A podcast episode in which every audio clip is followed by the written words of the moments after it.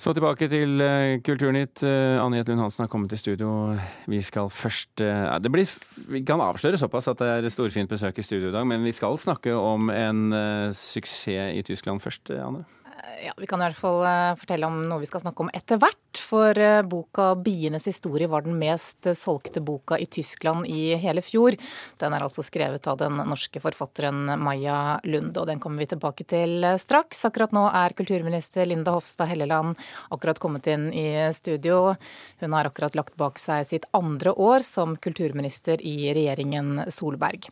Det har jo vært en del bråk. Rundt årsskiftet i fjor så fikk hun kritikk for utspillet om norske verdier. Hun har fått kritikk for angrep på anmeldere som var misfornøyd med kvaliteten på norske spel. Og så har det også vært debatt om stipendordninger, kutt i filmstøtte, og mange husker også denne festen for kjendiser og kulturpersonligheter nå i høst. Kulturminister Linda Hofstad Helleland, eh, velkommen og godt nyttår. Takk for det. Godt nyttår til deg også. Du, hvis du skal trekke fram én ting som du er fornøyd med når det gjelder din egen innsats som kulturminister i 2017, hva er det? Altså, det skjer fantastisk mye bra på, innenfor kunst- og kulturlivet vårt. Så det, den saken du var inne på i sted, eh, forfatterne våre eh, som gjør det stort ute, og som er veldig etterspurt. Eh, Mammon 2 fikk med seg en Emmy tilbake til Norge. Det er større enn vi kanskje aner. Vi har norsk musikk som gjør det bedre enn noen gang. Og det vises at det skapes og formidles kunst og kultur av særdeles høy kvalitet i Norge hver eneste dag. Og det er jo ikke jeg eller regjeringa som eh, skal ta æren for. Det er de fantastiske mm, kunstnerne vi har eh, som skal ta æren for det. Men vi må jo ha en kulturpolitikk som er med å legge til rette for at det skapes. Og Derfor så er jeg veldig stolt av at vi er en kulturnasjon som faktisk prioriterer å bruke over 14 milliarder på kunst- og kultursektoren. Jeg tror, i hvert fall Når jeg er ute og møter mine kulturministerkollegaer, så er det ingen som er i nærheten av å kunne bruke så mye penger per innbygger som vi gjør på kunst og kultur. Men det vi så Eh, og grunnen til at også vi i plattformen var så tydelig når vi tok over eh, regjeringskontoret for over fire år siden, var jo at vi var nødt til å gjøre noe mer enn bare å øke eh, kulturbudsjettet.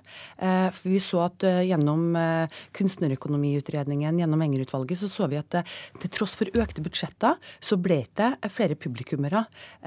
kunstnerne fikk ikke større inntekt å leve av, og da må vi gjøre, gi kulturlivet flere bein å stå på. Det er det vi har prøvd systematisk gjennom de fire årene her. Gjennom etablering av Talent Norge, gjennom også nå et etablering av Kreativt Norge, som skal gi kunstnerne våre mulighet til også å, um, å, å leve av mer av det de skaper. Så det skjer veldig veldig mye bra, og så må man bare tåle at det er litt debatt på kulturfeltet. Og det skulle bare mangle. Og jeg er veldig glad når vi kan diskutere um, innholdet, når vi diskuterer strukturendringer, uh, og at all debatt på kunstfeltet ikke bare handler om mer penger. Men det er jo ikke til å legge skjul på det at det også har vært en del konflikter, som du sier. Hvordan, eller hvorfor har disse konfliktene oppstått? Ja, men det skal det jo være. Tenk deg hvor kjedelig det har vært da, hvis vi hadde eh, et kulturfelt som, hvor vi ikke hadde kunstnere som bruker sterke ord, som ikke eh, setter følelsene i sving. Det er her vi skal ha takhøyde, og det er her vi skal vise at ytringsfriheten står sterkt i Norge. Og Eh, jeg syns at eh, det har vært eh, interessante diskusjoner. Altså, jeg har lytta til kritikken, men selv om jeg lytter, så er jo jeg nødt til å ta noen politiske avgjørelser. Jeg kjører også en prosess, og jeg er jo opptatt av at det som står i regjeringa sin plattform, og det vi har bestemt oss for å gjøre disse fire årene, eh, det skal gjennomføres. Eh, det gjør jeg. Og når en avgjørelse er tatt, så er den tatt. Og eh, jeg lever mm, veldig fint med at det er uenighet, men jeg er også opptatt av at her må man finne sammen. sånn at før jul så var Forfatterforeningen, som jeg har diskutert mye med i høst. De var på møte eh, hos meg, og vi eh, snakka sammen om hvordan vi skal jobbe videre. Nå kommer Kunstnernettverket om noen dager på møte med meg. Vi har diskutert heftig, men vi skal sette oss ned og se på hvordan skal vi nå samarbeide og ha en veldig god dialog om eh, arbeidet med kunstnermeldinga, for der skal kunstnerne og Kunstnernettverket være veldig sentralt. Mm. For Når det gjaldt disse nominasjonene til stipendkomiteene, så har jo det vært en av de debattene som har gått. Norske billedkunstnere beskyldte det for å vise forakt for kunstnerne. Hvorfor er dette en så viktig sak for deg at du risikerer å legge deg ut med, med denne gruppen? Fordi jeg er opptatt av at uh, ordningene som vi har, um, der skal vi sikre uh, legitimiteten ved at uh, har, det er tre, over 300 millioner som fordeles av det fellesskapets midler. Da skulle ingen kan stille spørsmål ved om de her eh, ordningene er transparente nok. Og eh, vi ser at den totrinnsordninga som vi har her, det har vi også på veldig mange andre felt. Altså Det er jo hovedregelen når man eh, fordeler av fellesskapets penger. Og så er jo det et forslag som har ligget i Kulturdepartementet i 15 år. Og det er veldig mange kulturministre som har ment at dette har vært riktig å gjort, men som har valgt å ikke gjøre det. Nettopp fordi at det kommer til å skape mye støy. Jeg er veldig glad for at Stortinget støtter mitt forslag og regjeringa sitt forslag, og at det her nå eh, er vedtatt skal gjennomføres. Men så er jeg opptatt eh, av også at det er kunstnerne som fortsatt skal eh, foreslå, og at eh, det er dem som eh, også er de riktige til å eh, kom med forslagene. Og så har jeg sagt at det er eh, utvalget for Statens kunstnerstipend som skal si hvis at det er stor skjevhet. Hvis at det er veldig stor geografisk skjevhet f.eks., så skal de kunne komme tilbake til kunstnerne og si at eh, skal ikke passe på oss å få representanter fra, fra, hele landet. Det er denne sikkerhetsventilen vi har fått på plass, og det tror jeg eh, kommer til bare å styrke ordninga. Mm. Selv om kunstnerne selv er eh, uenige? Ja, men sånn er det jo i politikken. Og eh, selv om man eh, lytter og har prosesser, så er det en eh, ministers oppgave å ta eh, avgjørelser og gjennomføre det, selv om ikke Eh, alle er enige. Men eh, jeg er glad nå for at eh, nå har man lagt ting i bero. Alle forslag, andre forslag som staten, utvalget for Statens kunstnerstipend har kommet opp med når det handler om å slå sammen komiteer og gjøre store endringer, det har jeg sagt det stopper vi opp. Det har jeg sagt det forslaget legg dere i skuffen, for nå skal vi gå sammen og se på hvordan vi kan finne løsninger som kunstnerne lever veldig godt med. Og det gjør vi gjennom nå arbeidet med kunstnermeldinga, som jeg gleder meg veldig til å sette i gang arbeidet med.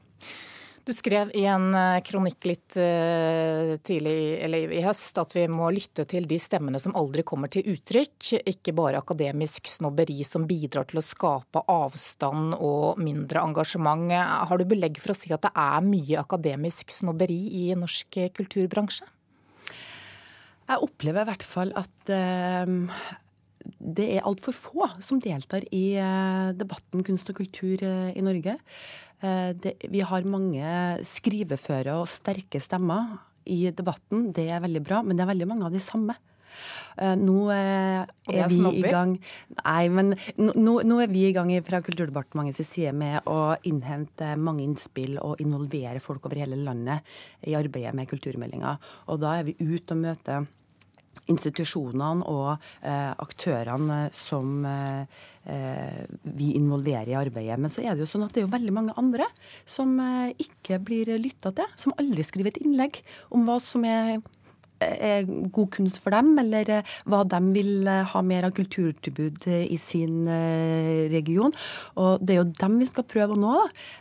Og det er litt av utfordringa i arbeidet med kulturmeldinga, som skal kulturpolitikk, som også skal være gjeldende mange år i framtida, som skal gi et like godt uh, tilbud.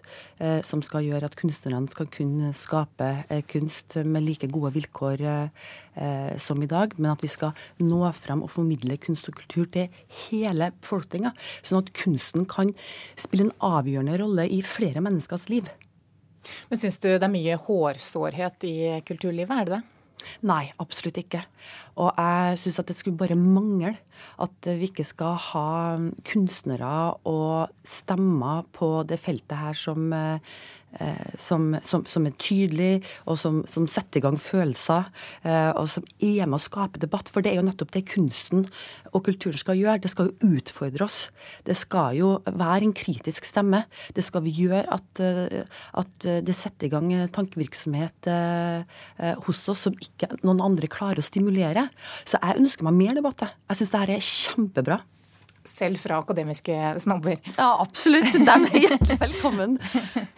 Du, eh, du, sa jo litt om det, men hva er din visjon, ditt prosjekt som, som kulturminister for året som kommer nå?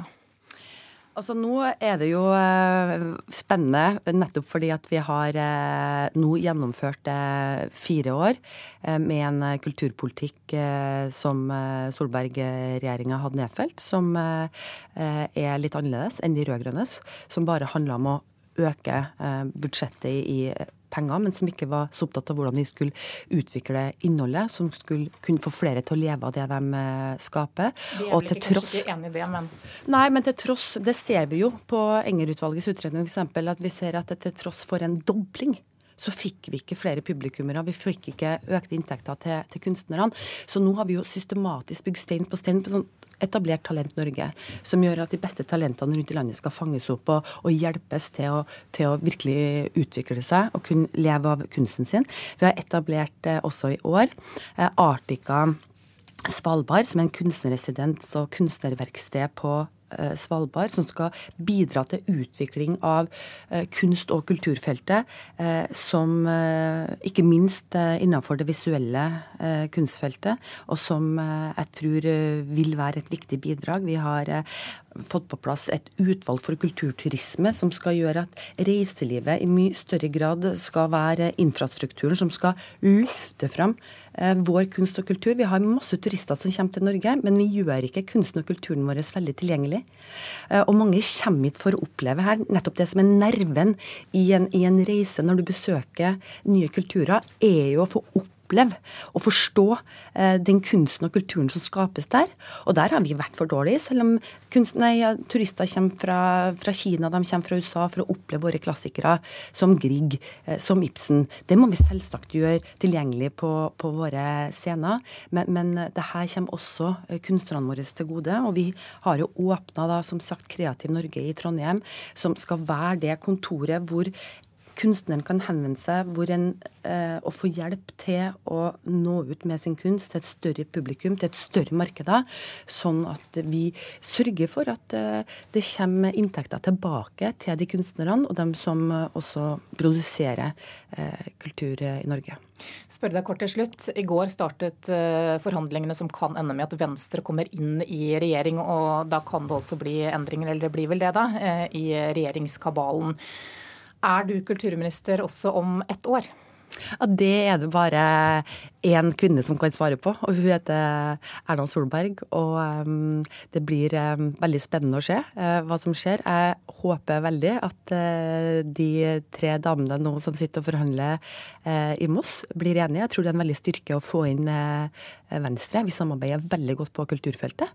Og så får vi se hvordan kabalen blir til slutt. Mm. Men Hvordan kommer det til å påvirke kulturpolitikken da, hvis det er Venstre som overtar ditt departement? Det er det plattformen og den enigheten som eh, nå blir forhandla fram, som eh, avgjør. Og både min forvenger Toril Vidvei og jeg, vi har styrt på regjeringa eh, sin plattform. Og det vil også legge føringer for de neste fire årene. Men jeg er opptatt av og glad for at vi har en veldig sterk offentlig finansiering av kulturen i Norge. Det skal vi fortsatt ha, men vi må også gjøre den mer eh, mangfoldig og gi eh, kulturlivet også flere bein å stå på, sånn at det styrker seg for framtida, og at kunsten og kulturen skal være like viktig del av folks liv, og enda viktigere del av folks hverdag i tida framover. Takk skal du ha, kulturminister Linda Hofstad Helleland. Forfatter Johannes Anijuru slo gjennom for fullt med en bok om flukten til sin gambiske far. For sin nye roman 'De kommer at drukna i sine mødras tårer' fikk Anijuru en av Sveriges mest prestisjefylte priser.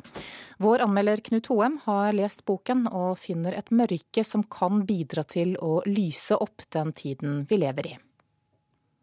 De som skal drukne i sine mødres tårer, er unge mennesker som vier sitt liv til religiøs fanatisme, vold og død.